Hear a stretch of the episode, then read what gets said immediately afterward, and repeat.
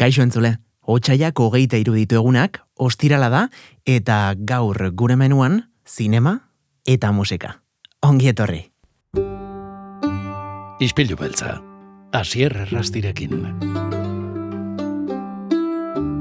Eta ostiraletan badakizue hemen Donostia Kultura Irratian zinemaz solasten dugula eta gaurkoan ere ba bertan dira Trueba Zinemetan Kresala Zineklubeko lagunak. Jon Patxe, ongi etorri gure ispilura. Eskarrik asko, egunon. Bueno, gure eta zure azken aldean asko asko zabiltzala, eh, hemendikan. Bai, gustoa hartzen nahi naiz, eta bai, bai, e, gustora etortu naiz, beraz, ala segitzea esperoet. ba, gu pozpozik, eh? zure, zure kolaborazioekin egia esan badakigu lanpetuta zabiltzala eta eta askotan kosta egiten dela, eh? Mm, tartetxo bat hartzea, izpilu beltzara gerturatzeko, baina, bueno, gaurkoan ere, pelikula zoragarri bate dakarkizu, besapean urrengo aste artean, hilaren hogeita, hogeita zazpian, hogeita zazpian proiektatuko duzuena, em, trueba zinemetan, aste artero moduan, eta gaurkoa gainera, bueno, ez dakit eduki aldetik, orain kontatuko diguzu, baina, baina bai, non eta zein egoeratan ikusi zenuenagatik, ba, berezi xamarra da zuretzat, ez da, Jan? Horixe, horixe, bai. Bueno, pelikula e, disko boi da, ez? Eta naiz eta zinemetan orain atera da, egia da donostian e, ikusteko aukera bakarra kresalan egongo dela, eurengo astartean beraz, esan bezala, aprobetsatu etortzeko, baina hori da, zineman orain atera da, baina duela urte bete aurkeztu zen e, Berlinaleko, Berlineko sail ofizialean, eta bertan egon nintzen, bueno, lehenago ere podcastean zerbait komentatu dut, ezta? Honen, honen inguruan, eta bueno, e, izan zan pelikula oitakoa ez, pelikula askoren artean ba, buruan geratzen zaizula ez, aste batzuz edo hilabete batzuz esanik, ba, ba bai, bai, pelikula, iku, pelikula honek ikusi izan behar du. Egia da, Berlinen, e, bueno, e, bai irabazi zuela e, argazki gintzagatik, premio bat, Uh e, osea, el oso de plata deitzeana, eta baina, bueno, e, gero pelikula, etzan izan pelikula gustokoenetakoa edo kritikaren aldetik behintzat e, sail ofizialean. Baina, e, gauza osonak ere irakurri ditut horren inguruan, eta ni ados nago gauza on guzti hauekin, ez? Gainera jon bitxia da, justu urtebete baina literalki. Ze pasaden hilaren amabostean hasi zen Berlinale, 2008 lauko Berlinalearen edizio berria, eta igande honetan amaituko da, eta eta, bueno, aurtengoa behintzat, ikusten dugu, ba, gozatzekotan hemendik ez, etxetik e, gozatzen Hori da. hariko zarela. Penarekin, eh? Penarekin, eh? El, e, egia esan izugarria izan zen esperientzia, eta eta bai, e, bueno, ora, e, albisteak ikusi Instagramen eta segitzen ari naiz pixka jaialdia ez, jakiteko, ba, pelikulak ekarriko badituztero, ba, donostiko zinemaldira, edo, bueno, kansen ere e, baten bat iritsiko balitze edo, ba, oso adinago ikusteko, ba, zer dan aurten ikusi behar dena edo, ez? Bai. em, gauza bat esango dizut, Jon, eh? Mm, onartu beharra daukat eta onartuko dut hemen e, lotxi gabe, izpilu beltzako entzule guztien aurrean, ohartu naizela. Berlinale oraintxe ari dela ospatzen, zurekin Bai. e, kolaborazio hasi baina bost minutu lehenago. Ah, bai, eh? Eta egunero, egunero, egunero, noski ba, nire ofiziogatik irakurtzen ditut e, ba, Euskal Herriko komunikabideen kultur saiak, eta ez dut inun ikusi Berlinaleren inguruko ezer. Nola den, eh? Pasaden urtean Berlinale, Berlinale, Berlinale, ba, 20.000 espezias de abejasen ondorioz, eh, mm, eta aurten, ba, nola ez dagoen badirudi bintzat, de, bueno, sariturik edo edo horre Euskal produkziorik, ba, ba, aipatuen ez da egiten toki askotan. Eta, eta imaginatzen duzuek, ba, komunikabide eta espezializatuetara, ez? Jo beharko duzuela, honen inguruan gehiago jakiteko. Claro, noski, bai, claro. Nik nire Instagram kontuan sartzen batzea ez, ensegidos, ez, hortan, dena zinemaari buruzkoa da, orduan ez dute beste zortaz hitzeiten, ni sartzen naiz hor, fidean, eta oi bakarrik azaltzen zai, lupan sartu eta berlinale dena, ez? e, dudari gabe hori da. Egia da ez dala kanse eta igual Venezia bezala, ez? Hor mainstream pelikulak ere sartzen direla, ez? E, Berlinalen gainera entzun aurten, ez dakidan aurten berezia edo lengo urtean izan zen, e, e, pixka bat e, e, zinema komertzialetatik asko aldendu diala urten, konparatuz lehen urtearekin. Vale. Osa, oraindik zailagoa izango dala distribuzioa. Komentatzen zuen hau kritiko batek naizela goatzen, eta baita ere e, e, jaumek filminekoak e, Twitter, ba- e, tweet batean jartzen zuen hori. E, ondo, baina, baina hori, komertzialtzeko edo, ez, bideo hori jarraitzeko pelikulak, ba, etziala hainbeste, ez, zaila izango zala alderdiotatik. Orduan, imaginatzen dut, horrek egiten dulare, igual interesa ez daina handia medioetatik, batez ere, ba, urrutiago edo dauden medioetatik, ez? Mhm. Menguak adibidez, ez? Bai, gainera, ez badira, kasunetan gurean, eh? ez badira behintzat, bueno, ba, euskal sortzaileak, euskal aktoreak eta euskal artistak bertan izaten, ba, interes hori pixka bat jetxe egiten da komunikabide generalistetan, eta oro ere bai, ba, estatu mailakoetan eta imaginatzen dut, ba, izarra hundiak, ba, alfombra gorrian izateak ere ba, oi hartzuna sortuko duela, baina kasunetan aipatu duzun moduan, ba, geroz eta badira aldentzen ez, mm, komertzialtasun hortatik, ba, imaginatzen dut, mm, aktoren aldetik ere izen handi hoiek, ba, komplikatuagoak direla e, alfombra zapaltzen ikustea. Hori da, bai. Bueno, alaren ikustet, e, nik uste maitatua dala gero azkenean, eh? baina egila da pelikula, hori da, osea, esatezuna, hori da, mainstream pelikulak iten dituztena, ba ez dia horre hongo, ze ez daude pelikula horiek, ez da? Baina, bueno, ikusten dezu eta azkenean e, deskubritzen dezuna da mainstreamen ibiltzen dana, neri hori pasaitzen da lehen urtean, ez da? Pelikula batzuk ez direla sekula iritsiko gure pantalla, osea, guk ez dugu aukera ukiko, han, han zeunden, han ikus dezakezu eta hemen ez. Eta egia da, zenbait aktoreek, igual, e, e, sona ez daukaten ez pelikula horiek, usten dugu bakarrik mainstreamean mugitzen direla. Baino, gero ikusten duzu, ostras, aktore hau pelikula honetan, ez? Eta, bai, baten bat ikusi nun, eh? ezaguna. E, osea, bueno, baten bat, ez, osea, ezagunak denak izango zia, baina niretzako mainstreamean Bai. edo ibiltzen diren horietakoak ikusi nitu, eta, eta gero pelikula ikusi nun, eta esan ostras, ze, ze ona, ez da? E, badabil diru asko mugitzen duten pelikuleta, baina pelikula txiki honetan ere ze aportazio ona egiten dion pelikulari, ez? Osea, Horrelakoak aktore komertzialak ere ibiltzen dira nola bitere zinema independentean eta eta horrelakoetan. Hori da, hori da, bai, bai, bai, bai, bai. E, askotan alrebes, igual, bide alrebes izatea ez, independientetik azten dia, ez da olagozko bestei, Mhm. eta salto hori egiten dute, ez da? Bai, bueno, ni beti, igual, ez dez ikusiko, ez dakit, eh, ez, ez diote zerri, osea, ez dut ezer gutxietxi nahi, baina The Avengersen dabilen bat igual ez dez ikusiko. Baina bai, ba, zinema komertzial, eh, bueno, ertain bat edo, ez? Mhm. Ertain batean dabilen Bai. jendea, hori da. Mhm. Em, are ginen, bueno, ba, kafetxo bat hartzen kolaborazioa grabatu aurretik eta aipatu didazu, diskoboi filmeko protagonistetako bat, eh, aktorea bera, badela, ez da, nola baitere izar bat, ba, mundu independiente honetan, Franz Rogowski. Horixe, horixe, bai, bai, bai, bai.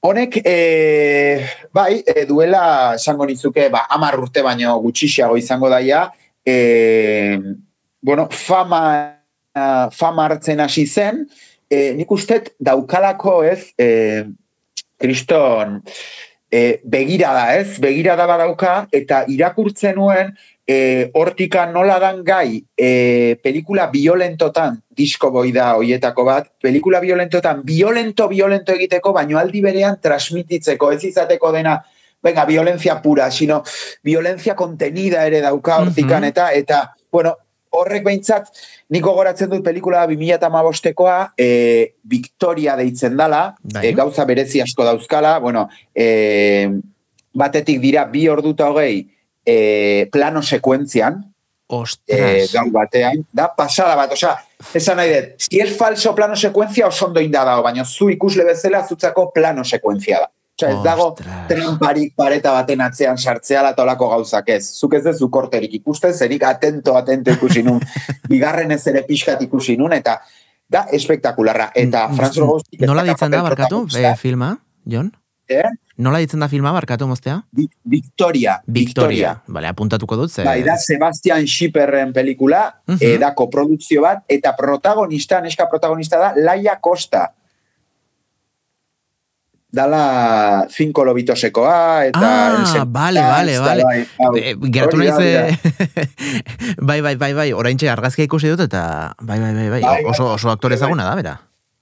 Bai, eta ni Franz Orgozken un ezautzen pelikula ikusi nuria, eta batian atentzioa dituzian, eta gero jakin nun zein fama zuen ja 2000 eta emeretzian, ezta? Mhm. e, fama hoi independentia. Gero ere lan egin du e, Christian Petzold da Alemaniako e, zuzendari famatu bat, Ondina, Entransito, orain, Afaier atera du e, Donostiko zinemaldian egondala, e, e, irabazi du el oso de oro behin, e, ordun berarekin lan egiten du ere, irasatxekin ere egin du lana, e, da pelikula pasatxe, zoain dala gutxi egonda zinean ere, e, bueno, zima, osea, Great Freedom, ez, ikusi nula Mhm. Sevillan, Bai. Osea, dauzka pelikulak denetan, osea, bai, nik uste oso aklamatua, eta pelikula honi desde luego, eta kritiketan ala irakurriete de, ematen dio kriston indarra, ez? Osea, pelikula ona bada, e, Franz Rogowskirekin oso ona bihurtzen da, ez? Piskatola esateagatik zerbait, bai.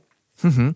Ba, aipatu duzu, aipatu dituzu zertzela da batzuk, violentzia, besteak beste, e, zer izango dugu, ture bat zineman datorren aste artean, Jon? Bai, a ber, e, pelikula da nahiko, uf, e, potentea, gai potentea da.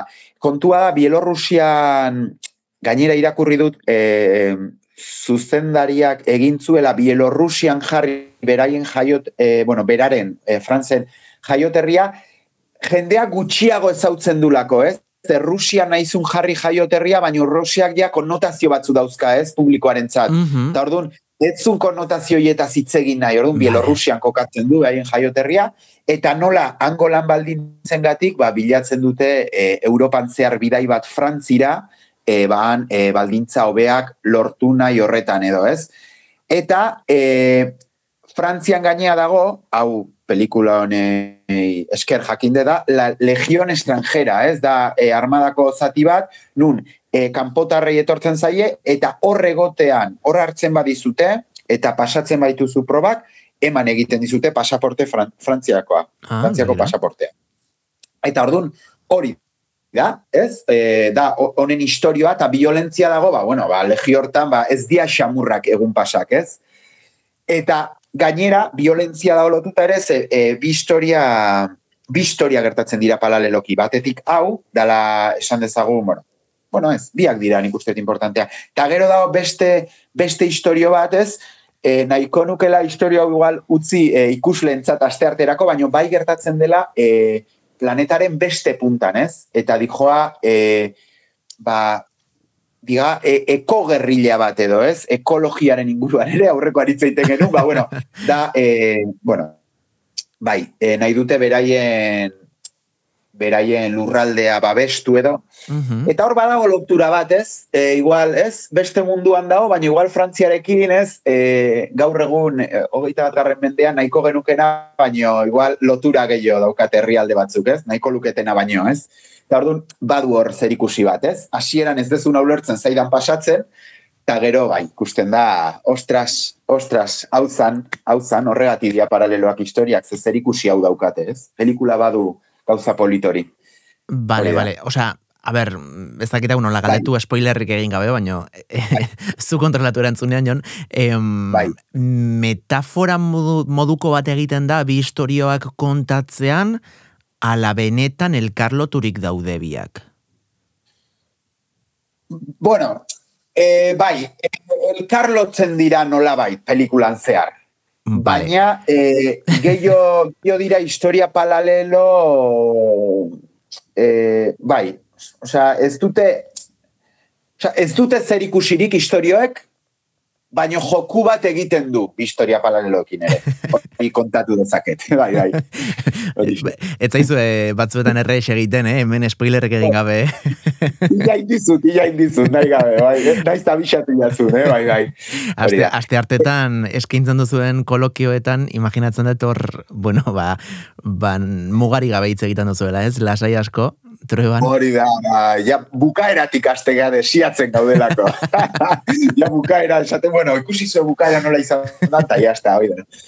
Bai, Eh, gainera, interesantia bai. ere, pelikula hone daukala ekologian hasten dula, eta bidai hau ez, Europan zehar, azkenian paisaia desberdinekin, eta eta esan bezala, ba, Berlinalen irabazizu mejor fotografia, ez?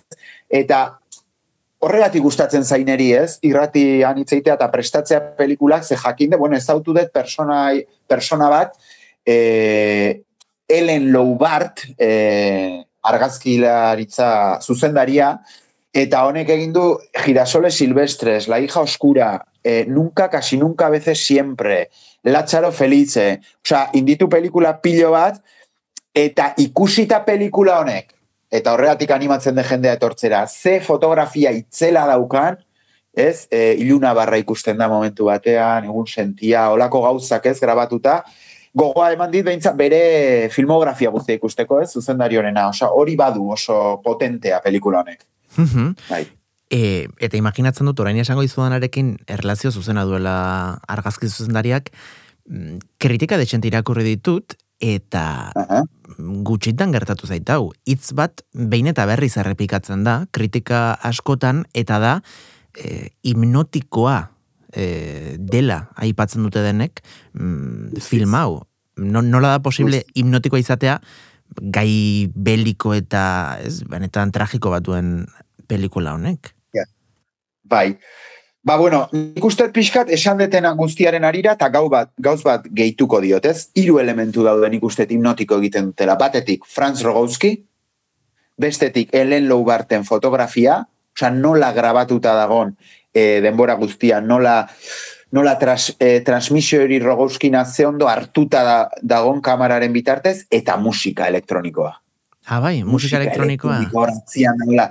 Bai, un, una especie de, ez dakit, Oppen- Oppenheimer, eh, Dune, eta pelikula Aha, hauek dakaten, bai. niretzako estruendo hau dala, egia da, volumenean batzutan zinema, dependeze zinemetan, nire ustez pasa egiten dia volumenean, baino, baino soinua bera hoi, eh, estruendo hori da, Bai. marabillosoa nire ustez, eta iten du hipnotiko bihurtu zer baitez, beste elementu batzukin hasten danean.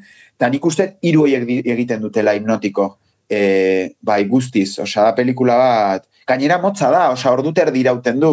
Osea, e, elementu onak bakarrik dauzka, osea, ezin da etxean gehatu, jakinik aste artean hori da hola, osea.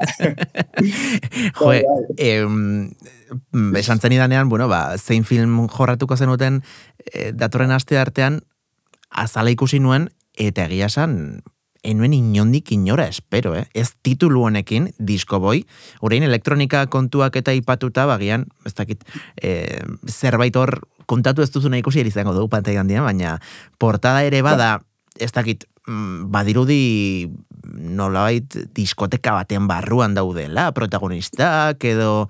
Perfecto, bai, bai, perfecto, horixe da, eske ala da. Osea, que ba, hala. bada zerbait kontatu ez digozuna, Jon. Hori da, osea, diskoteka, diskoteka mesedez, etorri diskotekako estenak ikustera. Osea, hipnotikoa badao zerbait, zati hori da. Ez da beti, e, fotografia ez da bakarrik e, kanpoaldean eta paisaiekin. Barrualdean eta lekuitxi batean, Franz Rogowski eta Helen, Helenek egiten dute tandem ideal. Osea, bai, bai, bai. Osea, pasada badia diskoteka barruko estenak. Ez dut kontatuko gaina, uste, hobeto ez, ez? Bueno, kontatu nezaken, ez da spoiler bat, eh? baina zergatik gertatzen dira hor estena horiek, eta ze hipnotikoa dian, eh? Osea, Zer badaude aktore gehi ore hipnotikoa diala Franz Rogowskiz gain, dago, e, ba hor, esan deun bezala, ba munduaren beste aldean dagoen protagonista, dala e, Mor Nadia, Nadiaie e, aktorea, Jomo dala bere personaia, Mhm. eta gero, e, e, bero, emakume bat ezagutzen duna Franz Rogowskik Frantzian da la etitia ki. E, buah, e, hipnotikoak irurak, eh, noski, eh, dudarik gabe. Franz Rogowskita zitzein dugu, ba, pelikula gehiago dauzkalako, eta ja jendeak igual engantzatu dezakelako erresago, eh, baino hipnotismoa ez da bakarrik bere gain, baizik eta besteen gain ere.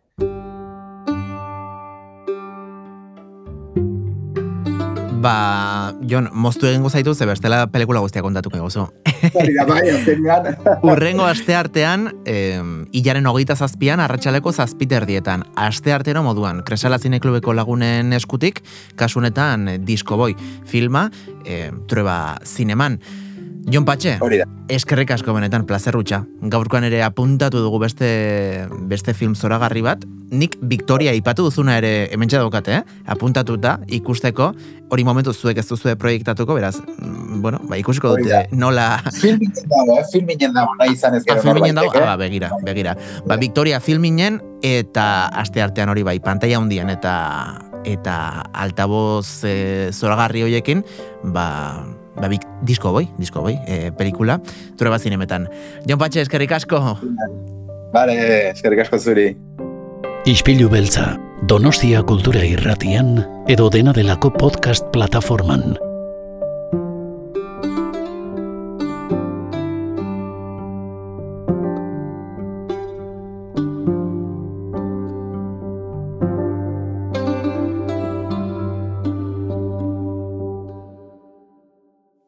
Asko ikasten dugu berarekin eta desiatzen gaude. Bera noiz iritsiko zain, hemen Donostia kultura irratira izan ere, bere txanda ostiraletan izaten da eta eta egia esan nori etzaio ostirala gustatzen.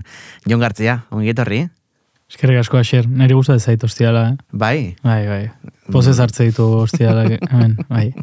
orokorrean, bueno, Bai, orokorrean bai. ostegun batzutan... Gainera esan behar dugu entzulari askotan ostiraletan egiten dugula ba, merendolatxo bat, eta hori da... Amaiketakoa. Amaiketakoa hori da, bai. Amaiketako Egia da. eder bat, eta horrekin ja asteburura pf, pospozio zela. Bai, bai, gainera guardian ja martxa egiten dago. Osea, que gehiago eskatuko digu ez da, Bai, bai. gure lanari. Em, gaur, ba, imaginatzen dut ere, asteburuari ongi etorria dantzan emango diagula, ez da, zurekin? Ba, bai, e, dantza pixkat, eta, bueno, ba, disko berri bat ezagutuko dugu. Diskoa bakarrik ala taldea ere bai.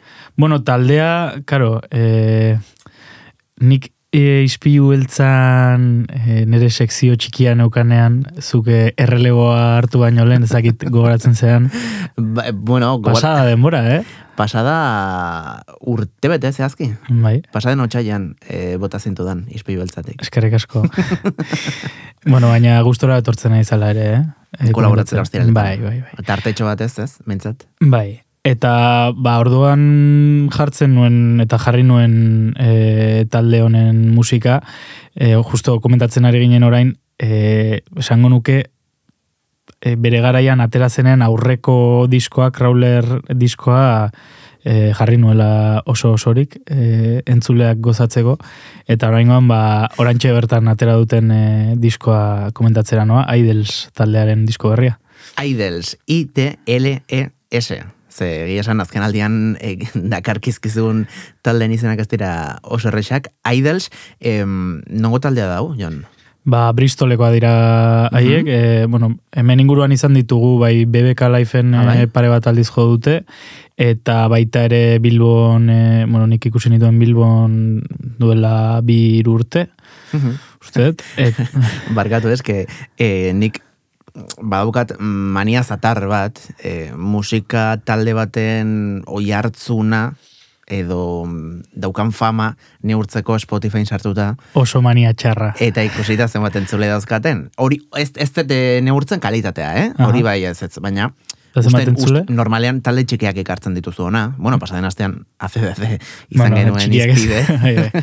baina, ostras, milioi bat eta zortziron mila entzule hilabetean. Bai, bai, bai. Mm, Hauek esal, gainera saltoa eman dute, bueno, e, gutxinaka gutxinaka jundira disko bakoitzean e, ba, azten eta publikoa handiagora salto egiten, eta e, disko honen aurkezpen bira Europan egingo dutena, de hecho, ja, beste salto bat egin dute, eta bueno, nik ikusi dituen e, fiberren, dela areto nahiko handia da, baina oraindik e, ba, tarteko zerbait da eta e, aurten Madriden eta Bartzelonan WeThink eta eta San Jordin joko dute, beraz e, ja publiko handiago batentzat jotzen ari dira bai. Beraz, e, bueno, badute e, arrakasta mundu mailan eta mm, gaurkoan aurkeztuko diguzu atera berri duten diska berria, ezta? Hori da, e, bueno, izena ere, osea, behaiek, zakit nahi tain duten, baina tank izena du, T-A-N-G-K. Nik uste nuen, e, zela, holako, thank, thanks e, ordez, holako Ah, e, bat edo. onomo- onomatopeia raro bat egin zutela, baina e, irakurtzen aritu naiz orain pixkat prestatzen ari nintzenean sekzioa, eta Mhm. e, badirudi e, onomatopeia bai dela, baino e, nola nahi zuten gitarrek e, sonatzea eta ho- hola gelditu zela izena. Karo, nik asoziazio hau egin nun, ze e, diskoaren e, leitmotiba eta orain komentatuko dugu pixka bat, e, bai da Love is the Thing. E, love is the thing, ordez. Ah, love, love. Love, bai, bai, amodioaren inguruan dijoa Ai, diskoa. ze polita. Zuri gustatzen zaizu, ez? Bai, Gaia, bai, niri maitasuna pila gustatzen zait. Bai. Bai, bai. Baina ez eh, bikoten artekoa, eh, orokorrean. Bizitza bai, estilo moduan. Hortik, hortik dijo hau, eh? baina, Ah, bai. bueno, eta, pues, love is the thing jartzen zuenez, ba, nik pentsatzen nuen, ba, bueno, hau edia, hau edia pixka eta agarra jotzen jendeari, baina ez, e, beste gauza, beste alde batetik dijoa. Eh, eske pixkate gure entzuleak kokatu dadin, eh, behintzat Spotify eta nik Googleen ikusi ditudan irudi guztietan, mozorrotuak agertzen dira Ah, bai. musika, bueno, musikariak, ez dakit, Bueno, gitar jolea batzutan, bai, e, zea jartze ditu hola, ba, vestido luzeak Mhm. eta, bueno, bai, eta mozorratuta ere jo izan dute, baina...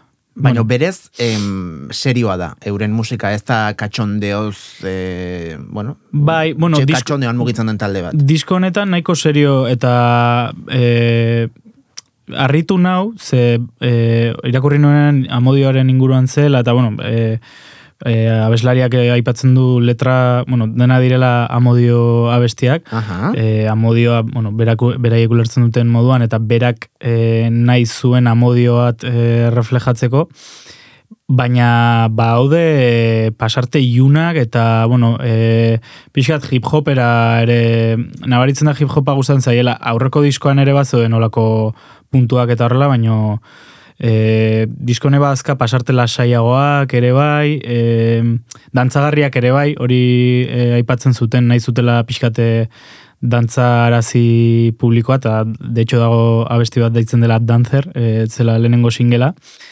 eta eta bai, ba, denetarik gustatu ze, bueno, hasieran pixkat e, enekin nola hartu diskoa, eh? Ostiralean, aterazenean entzun nuen, aurreko ostiralean, eta pixkat, eh, zagit, sensazio raro, gero etxean ondo entzun da, hobeto sartzen juntzait, eta egia esan disko polita iruditzen zait. Ba, aizu, hitz egin eta hitz egin ari gara, guazen Idols taldearen tangek. Tank. Tangek. E, diskako kanta bat entzutera. Mm, Besteak ez dakit, baina lehenengo kantuak, mm, edo behintzat eh, duen tituluak grazia egin dit. E, idea Zero One. Bai. Nahi bat hori hori entzungo dugu, Bai. pixat kontestuan jartzeko. Pixat intro, intro moduko bada, eh? baina bueno, igual entzun dezakegu introa eta urrengo abestia, eta horrela e, biak batera entzuten ditugu. O... Venga, perfecto. Bagoazen idea zero bat entzutera, eta jarraian Gift Horse.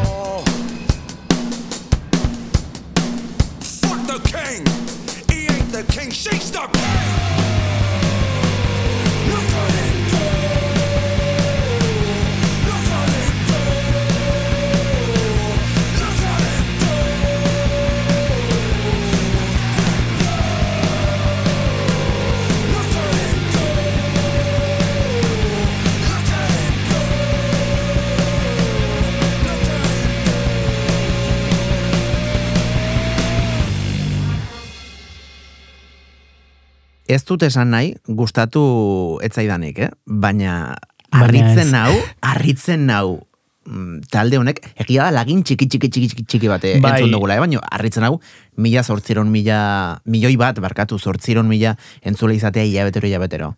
Bueno, eh, a ber, hemen guztua... bueno, eske, denentzako- jende asko gera munduan zehar, eh? Karo, karo, eta zuri, bueno, igual ez zaizu gustatu, baina niri... Ez, bueno, e, bi- bitxia egin zait, ez, Bai. ez dakit, e- e- ez zait, esan dezulen erres sartu zaizula aste honetan zehar. Bai, hasieran ez hainbeste, baina gero pixkanaka, osea, da askotan gertatzen da, ere, bai, e, igual lehenengoan arrebes hartze zaizu, baina gero entzunaldiekin, eta bueno, en, orain entzun dugu lagintxo bat, baina egia e, denetari dagoela diskoan, bai. Mm, Ze, ze goera emozionalek eskatzen dizu entzun dugun kantuak? bueno, e, nahiko animatua da, eh, abestia, bai, anima, baina aldi berean Hola, indartsu- badauka toke jun bat ere bai. Baita, bai, bai, bai. Bai, badakate puntu hori. Ze, badakigu eta zerbait ikasi badago zurekin da, em, geroz eta komplikatuago dela eta eta izu, ba, pertsonekin bezala, etiketa guztiak e, kentzen joan beharko ginatekela, baina pixka bate multzoren batean, bueno, ba, katalogatzekotan hauek aipatu duzu hip hop kutsu bat badukatela, baina Bai, baina, bueno, bere, osea, nik hauek mm, beti ikusi ditut hola pixat post-punk berri honen barruan eta Inglaterran dauden post-punk talde horietatik, ba, hola, e, olatu berri horretatik, ba, pixkat buru, buruetakoak izan dira, eta Mhm. pixkat gehien, o, bueno, urrutien ezakit, baina publiko e, handiago batera iritsi direnak. Eta bueno, ba, esan duguna hori, denetari dagola estilo aldetik, ba, e, azkenean ere bai, hiru ekoizle izan dituzte disko honetan. E, aritu ziren lehenago ere ba, ekoizle bat baino gehiagorekin, ba, talde kideetako bat ekoizle bezala aritzen da ere bai, Mark Bowen, gitar jolea, baina baita ere ba, errepikatu dute Kenny Beats e, hip hop ekoizlearekin, horregatik igual ere kutsu Vale. hori. Mhm. Eta oraingo honetan, e, uste lehenengo aldiz aritu direla Radioheadekin lan egin duen Nigel Gorditzekin eta ere bai nabaritzen da, osea, toke ilun eta pixkate ambiental eta ezakit ba sinten erabilera eta olakoak e, hori nabaritzen da pixkat Radioheaden e, agian berak kutsu hori. duela, ez? Eh, Bai, bueno, nik uste te- haiek ere zaleak direla eta eta bar, eta beraiek, ba, osea, honek lagundu direla pixkat soinu hori lortzerak orduan. Hmm, Eske egia da, Jon, musikatik eh, at gaudenok nolabait ere ez diogula garrantzia handirik ematen ekoizlearen paperari, baina baina diska batean musikari ez gain ere, ez? E, produktorea, e, arregloak eta Hmm. eta ekoizlean horri izan den bereziki garrantzitsua da, ba, diska batetik bestera agian em, artistak eurak aldatu gabe ekoizle aldatuta bitalde ezberdin ematen dutelako. Hmm. Karo, ba, disko batzuetan adibidez ekoizleak ez daka hainbeste paperik edo zuzenan ez dago eh, ekoizlerik. Adibidez, esango nuke Euskal Herri mailan e, bai daudela ekoizleak eta e, garrantzitsua direla, baina e, ba, talde igual ezain handiek edo ezakit beste estilo batekoek ba ez daukate ekoizlea zuzenean eta igual garrantzi handiago emate zaio e, soinuk teknikariari adibidez, e, Mhm. soinu aldetik. E, adibidez niri gertzen zaitena olako diskoetan, adibidez e, ez zait agertzen nork grabatu duen, o zein izan den teknikaria, imaginatzen dut, ba, ekoizleetako bat aritu dela, edo, bueno, agian beste baten laguntzarekin, baina hori kurioso iruditzen zait, bai. Eta eta estudioa bera ere ez duzu topatzen askotan? Ez ez, adibidez, bentsi berretan dakat Wikipediako horri aldea diskoarena, eta agian agertuko da, baina hola lehenengo begiratuan ez dut ikusten.